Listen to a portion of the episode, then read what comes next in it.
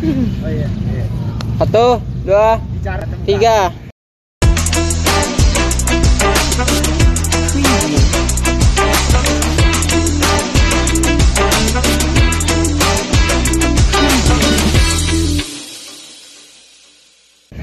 Oke, perkenalkan nama saya Muhammad Syafri Zainuddin dari Departemen Teknik Material dan Metalurgi FTIRS ITS Surabaya. Kali ini kita akan membahas suatu problema di kalangan mahasiswa tentang mental health awareness di kalangan mahasiswa.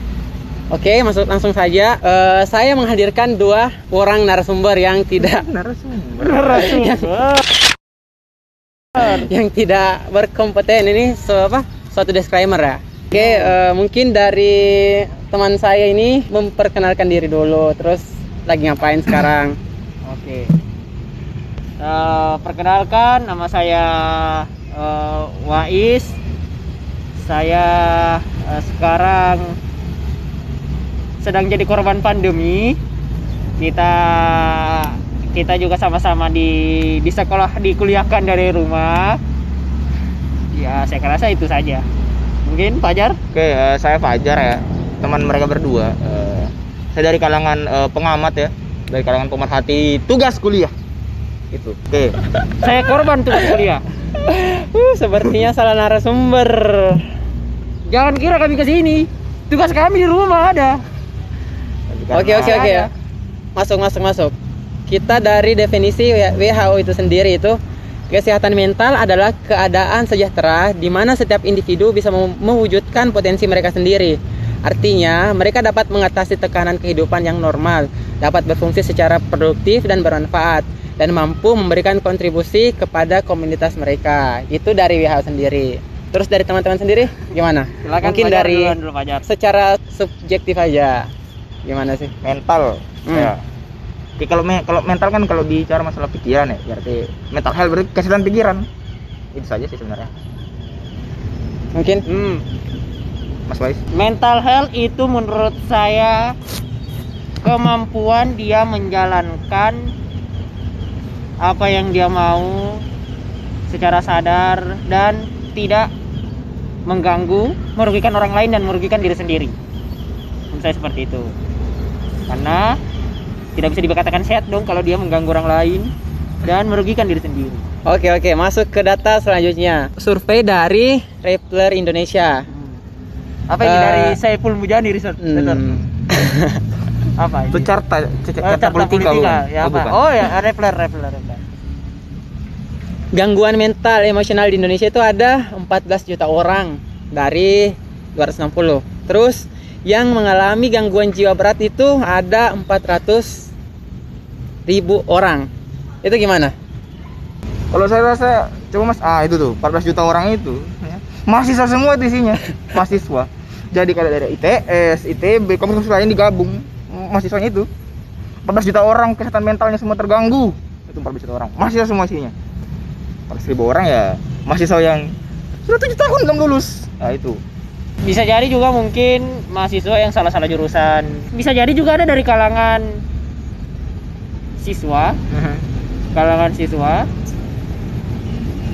Apalagi kalau sekarang kan kita lihat problematika sekarang ada yang bilang tugas banyak Hmm. Hmm. karena eh, belajar dari rumah bisa jadi meningkatkan potensi 14 juta ini. benar Pak, benar. benar. Iya iya iya. Terus oke kalau gitu eh aku mau nanya nih. Eh kalian sendiri pernah nggak sih insecure ketika di kampus? Kan kita ini dari bisa dibilang anak daerah. Kita bukan dari eh, Jawa. Kita bukan Hmm. dari kota-kota besar. Itu gimana? Tadi aku Mas Wais coba Mas. Insecure, insecure. Saya sebenarnya tidak suka kata insecure. Jadi yang tepat apa? Yang tep- kenapa kita harus menggunakan istilah-istilah asing? Hmm. Apakah di Indonesia tidak ada istilah untuk Ya. menggambarkan itu? Bagaimana kita menggunakan kecemasan? Ah, kemasan benar. Ini- Apakah apakah ya kita ke sana ya mungkin kita eh, eh, pada pada tahap kita bertanya pada diri sendiri apa yang kita lakukan di sana dan bagaimana orang menerima kita mungkin bisa sampai situ. Dan saya rasa itu taraf taraf yang normal dan semua orang merasakannya. Hmm.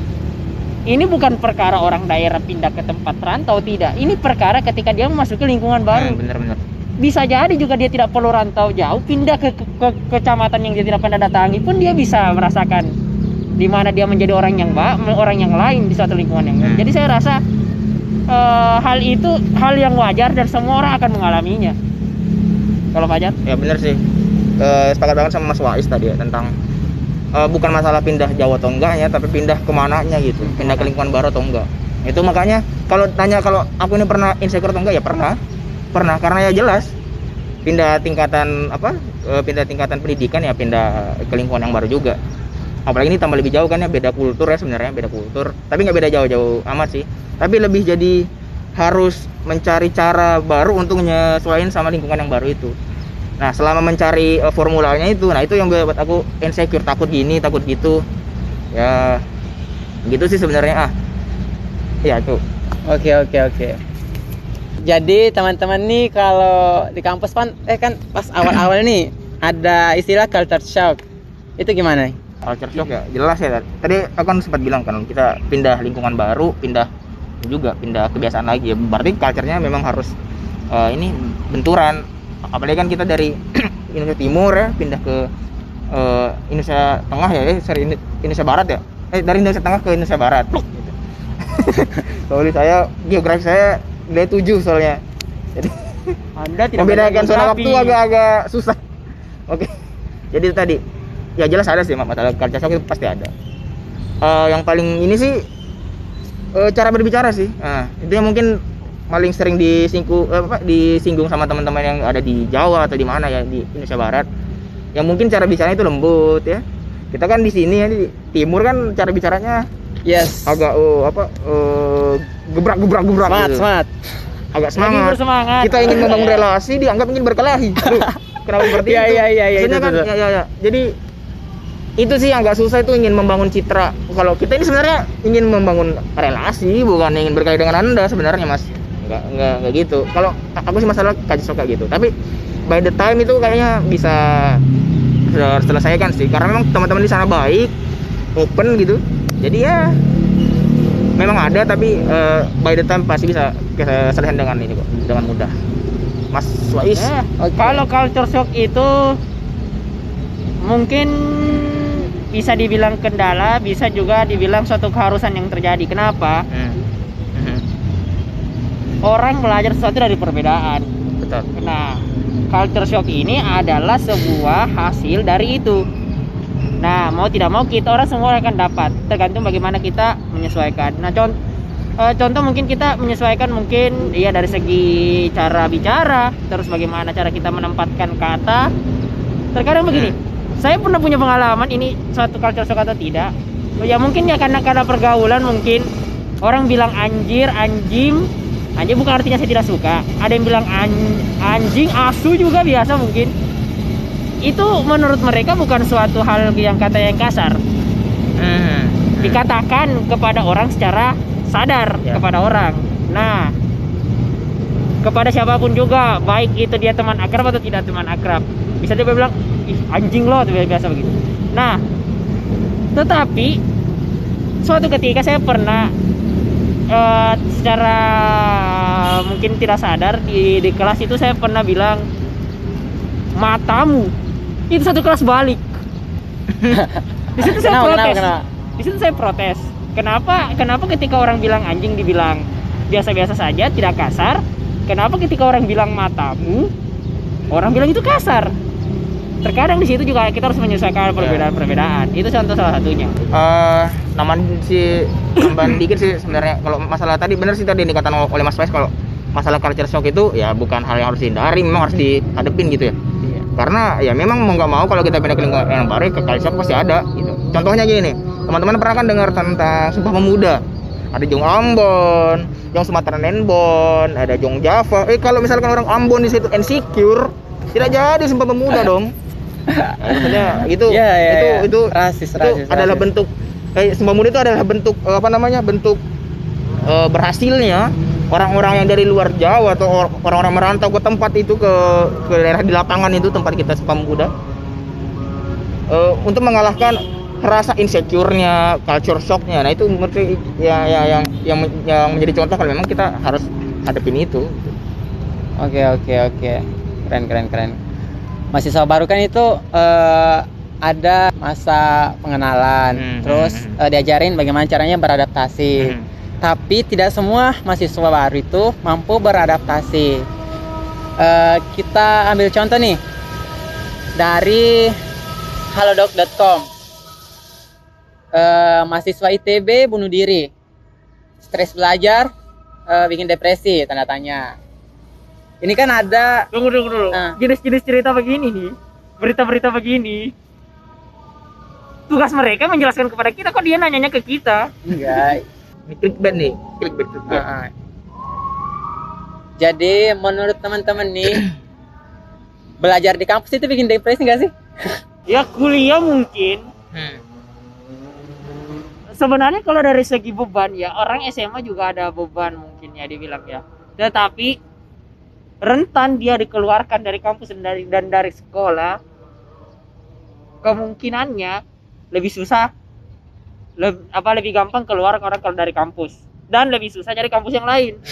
Hmm. Pertama seperti itu. Misalnya kalau dari SMA Anda dikeluarkan. Cari SMA gampang, SMA lain. Tinggal ngurus surat pindah dapat. Nah kuliah Anda tidak bisa cari surat pindah dong. Anda harus tunggu satu tahun berikutnya lagi baru boleh masuk. Iya. Makanya depresi di kampus lebih tinggi dibandingkan Hmm. anak sekolah begitu. Kalau aku sih nanggepinnya bisa beda dikit ya sebenarnya.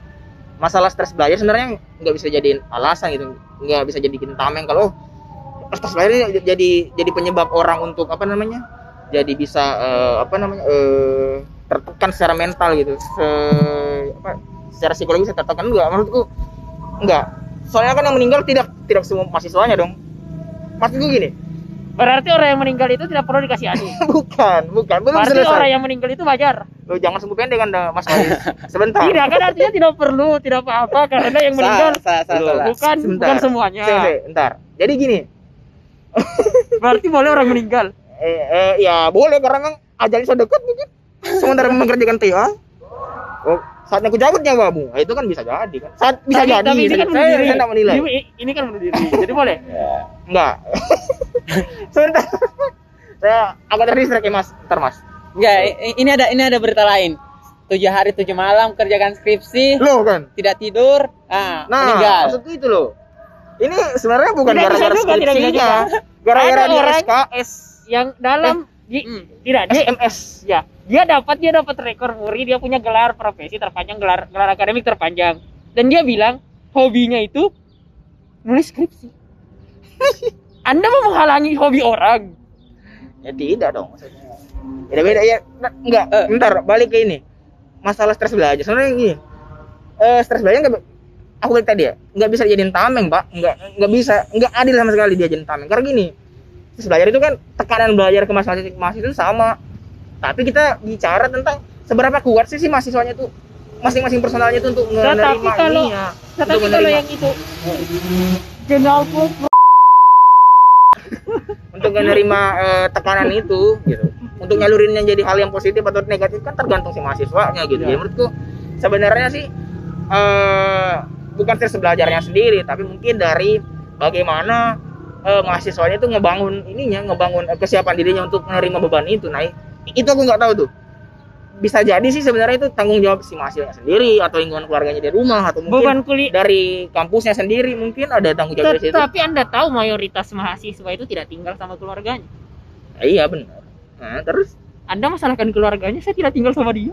tidak kan maksudku. Ya pasti ada lingkungan yang bisa nge-create ininya kok Tidak, Nge-create kalau support ya kalau jadi support sistemnya si ya kalau arah itu. kalau ranahnya dilarikan ke situ, berarti mau bilang berarti bebannya yang harus dikurangi. Berarti bebannya yang harus dikurangi. tidak tapi si orangnya yang di ini yang dibangun eh, kesiapan mentalnya gitu gitu maksudku jadi misal Lewat os, tekanannya lewat gini loh. ospek begitu. eh pak gini Lewat ospek begitu. kalau mahasiswa baru saja dengan beban tugas seperti itu sudah stres. Eh Pak Habibi mahasiswa baru di Jerman. Suruh bikin pesawat kecil pak. Kalau semua diterapkan untuk, untuk, untuk mahasiswa penerbangan di Indonesia bisa mati dong semua. Bisa bikin pesawat. Jadi caranya untuk membangun Iya, mereka bagaimana? ya ma- masing-masing kampusnya. Jadi kampus mungkin bisa data tuh. Oh, oh si mahasiswa eh, eh, ma- eh, ada mahasiswa yang eh, apa namanya eh, karakteristiknya karakteristik itu seperti ini oh cara ngadepinnya seperti ini gitu maksudku jadi bukan bukan si bebannya itu yang dikurangi karena itu kan sebenarnya yang harus dibeban ke, ke ke mahasiswanya Jadi tapi kampus caranya ngebangun mahasiswanya itu gimana untuk bisa menerima si bebannya jadi itu. kampus selain Hmm. me- mencerdaskan orang harus mengurusi mentalnya juga. ya iya bener ber- ber- bener Jadi sepakat sepakat kampus yang salah dong. Berarti. eh nggak bisa disapu rata juga sih sebenarnya nggak bisa disapu Loh, rata tapi tapi ada kampus yang salah dong. apa kenapa Tapi ada kampus yang salah dong. ada kampus yang salah tapi kita bisa bisa baca lanjut lanjut, lanjut, lanjut. ya. Contoh contoh contoh ini ini ini ini Eh, sebelum sebelum. lanjut lanjut. Eh, Oke, silakan. bunuh diri itu kan bisa jadi karena depresi. Terus ada statement yang mengatakan eh, depresi itu tanda iman lemah gimana tuh? siapa nih tadi iman lemah nih Kalau bicara soal agama ya, Sangkut paut depresi sama iman lemah itu gimana? saya rasa ya ada benarnya juga. Hmm. aku sih sebenarnya enggak sih pak enggak Eh, coba kalau mungkin mas Wais bisa diselesain dulu Iya jelas dong. Orang menjadikan agama sebagai sandaran. Agama dengan melihat kepada agama, berserah kepada Tuhan, dia akan terhindar dari depresi. Ini gara-gara mahasiswa terlalu sibuk belajar, lupa mengaji. loh Sehingga kembali menyerang iya, iya iya oke. iya ini ini tugas-tugas yang ada sekarang menghalangi orang. Jangankan buat mengaji, sholatnya jadi pendek. Sehingga jauh dari Tuhan. Apalagi sekarang kurikulum agama cuma dua SKS satu semester pilihan Iya, wajib iya, juga iya. di awal. ini yang menyebabkan sekarang jadi seperti ini. Agama Makanya kalau bicara ya? soal agama ini memang mahasiswa harus dekat dengan agama ya. kalau aku sih pak nggak sepakat sebenarnya kalau misalkan eh, apa namanya eh, Eh, berarti ada tidak tidak, tidak, tidak setuju agama. tidak bukan Eh, eh. agamanya tapi Eh, tidak dong, mengaitkan tidak. tentang orang depresi itu tentang kekurangan apa sih Iman, Imannya- iman, iman. Imannya tipis kan? Yes. Enggak, enggak, enggak, enggak gitu. Berarti kalau bisa dilihat, kalau kalau itu terbukti, eh, bisa dilihat dong, orang-orang ateis adalah orang-orang yang paling banyak meninggal di dunia. Karena ya deh, ya pasti depresi terus tidak ada tidak ada imannya. Bagaimana? Maksudku begitu loh. Maksudku eh, masalah agama dan masalah iman yang berkaitan. Tapi misalkan karena imannya lemah atau mungkin ya memang secara direct nggak bisa di- dikaitkan pak. Bisa dikaitkan. Tapi saya sepakat. Berarti kalau orang harus jadi ateis iman- dulu tidak supaya kuat mentalnya. tidak maksudku dengan membangun iman dengan membangun iman ya aku sepakat itu bisa menghilangkan depresi karena kan agama ah tidak agama kacau berarti agama tidak kacau ah itu berarti kan Tetapi Berarti anda bilang ateis non- itu lebih baik secara tidak langsung. Iya, Anda marahkan gitu, gitu. Berarti orang tidak harus jadi Oh, ateis dulu. Oke kan? oke skip skip skip skip. Kita masuk ke berita selanjutnya. Nggak nggak jauh-jauh nih dari dari eh, apa spiritual. Psikolog sebut mahasiswa yang coret di masjid di Tangerang lagi depresi. Sudah dirukyah tapi tak mempan. ini sumbernya dari mana nih pak Ini dari tribunjatim.com. Ini Pak berita kemarin loh, 2 Oktober.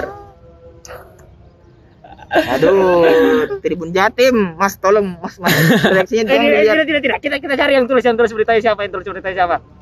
Siapa? Yang yang yang tulis beritanya. Acep Nasmudian. eh mas Acep Mas Acep Nasmudian. Ini Ini mata-mata mungkin konkret, ya? rukyahnya salah tidak dibawa ke Ibu Ningsi. iya bener pak ini Ningsi- padahal beritanya di Jatim. Ini di Tribun Jatim. Oh, saya tidak tahu ini. Ini beritanya di eh, Kabupaten Tangerang, Tangerang. Kenapa tidak dibawa ke Ibu Ningsi? Mungkin Ibu Ningsi jangankan menyembuhkan orang yang mental health. Ibu Ningsi menemukan obat corona. loh bener loh Ini yang salah beritanya. Eh, Pak. Eh, Ibu eh, Ningsi, eh, saya, Pak? Pak, Mas Nasmudian, masa apa diri Anda? Dibilang Rukia tidak mempan, salah orang yang Rukianya. ya memang mung- mungkin tidak menemui orang yang benar mungkin ibu Ningsi bi- bisa lihat ini bu Nih, tribun apa itu tribun timur.com tuh tapi kok seperti kopet news ya Setelah dirukyah tidak mempan ya mungkin. Ya mungkin masih pertama pak. Tidak menemukan orang yang tepat untuk merukyah itu pertama. Yang kedua, di Oh, ini- agamanya sendiri tidak menemukan apa sih rukyah itu. Jadi tidak, oh apa rukyah. Jadi Atau mungkin- ini harus ditelusuri dulu. Orang yang coret-coret masjid ini agamanya apa? Nah bener. Jangan sampai orang non muslim dirugia. Pantas tidak mempan ada salah rukiahnya. Eh, Ah, ya, panas salah, banget. salah server ya. Anda mau bilang rukiah tidak bagus tapi Anda yang salah tempat ini tolong. Tolong. Iya iya iya. Oke, mungkin eh, dari kecil itu kan kita diajar pertolongan pertama pada orang kecelakaan, orang patah tulang. Tapi kita nggak pernah diajar pertolongan pertama pada orang patah hati. Gimana? Pendapat teman-teman? Patah hati, patah tulang kan dulu. sama kan? Eh, sama-sama patah. Tetapi bukan berarti Anda yang patah hati curhatnya ke mental health counselor. Anda yang tidak setia, Anda yang tidak bisa buat dia jatuh cinta, kenapa tanggung jawab mental health counselor? Tapi maksudnya begini, eh, yang harus dibangun itu sebenarnya sistem ya, sistem, sistem. Karena begini, terkadang orang tidak mau ke mental health counselor karena ada stigma orang yang menghubungi fasilitas kejiwaan itu Hmm. dibilangnya orang gila. Iya, betul tuh. Padahal bisa jadi bila sudah memang sudah gila. Tidak. Eh, begini, yang harus dibangun itu sebenarnya adalah sistem dulu, sistem. Hmm. Kenapa tadi saya bilang eh, bisa jadi ada kampus yang salah? Karena begini, ada beberapa kampus yang menerapkan eh, siswa eh, mahasiswa tidak bisa diberikan tindak lanjut kalau tidak dibawa ke bagian konseling kampus. Hmm. Ada salah satu kampus di Jawa Barat yang menerapkan itu. Hurufnya depan belakang apa pak? yang jelasnya di salah satu daerah di Jawa Barat. Ada dia menerapkannya begini. Ada bagian salah satu unit kampus namanya bimbingan konseling sama seperti di SMA, cuma isinya psikolog. Hmm. Tidak boleh mahasiswa diputuskan nasibnya kalau tidak ke situ. Jangan Ya. sampai misalnya, kenapa kamu tidak bisa tidak pernah absen? Oh, saya selalu absen. Ih, di absen kamu tidak ada. Siapa tahu absennya pakai fingerprint. Orangnya Wah. Hmm. orangnya lupa Iya, iya. fingerprintnya. Ya. begitu misalnya bukan orangnya tidak punya Ya. eh iya tidak iya bisa jadi seperti itu makanya harus ada basisnya begitu tapi cukup diskriminatif ya kalau fingerprint orangnya yang tidak punya tangan Harusnya sikuprin mungkin ya. iya Karena jarang orang yang nggak ada sikunya ya. Dar Iya. jok, jok. Skip skip skip skip. tetapi ya iya iya, iya, iya. Iya ya. Orang-orang orang malas ke psikolog karena lebih mudah mengatakan I'm fine daripada menjelaskan apa yang kita rasakan. bukan kalau kalau dibiarkan ini orang jadi self diagnose Ya bener. sudah nonton Joker tiba-tiba dia bilang "Ah, ah, aku aku mental health Oh iya iya iya.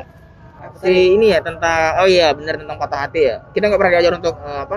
Nggak pernah diajar untuk bagaimana mau- mengobati patah hati kan. Hmm. Lebih ya hal-hal yang fisik. Nah, bener sih menurutku.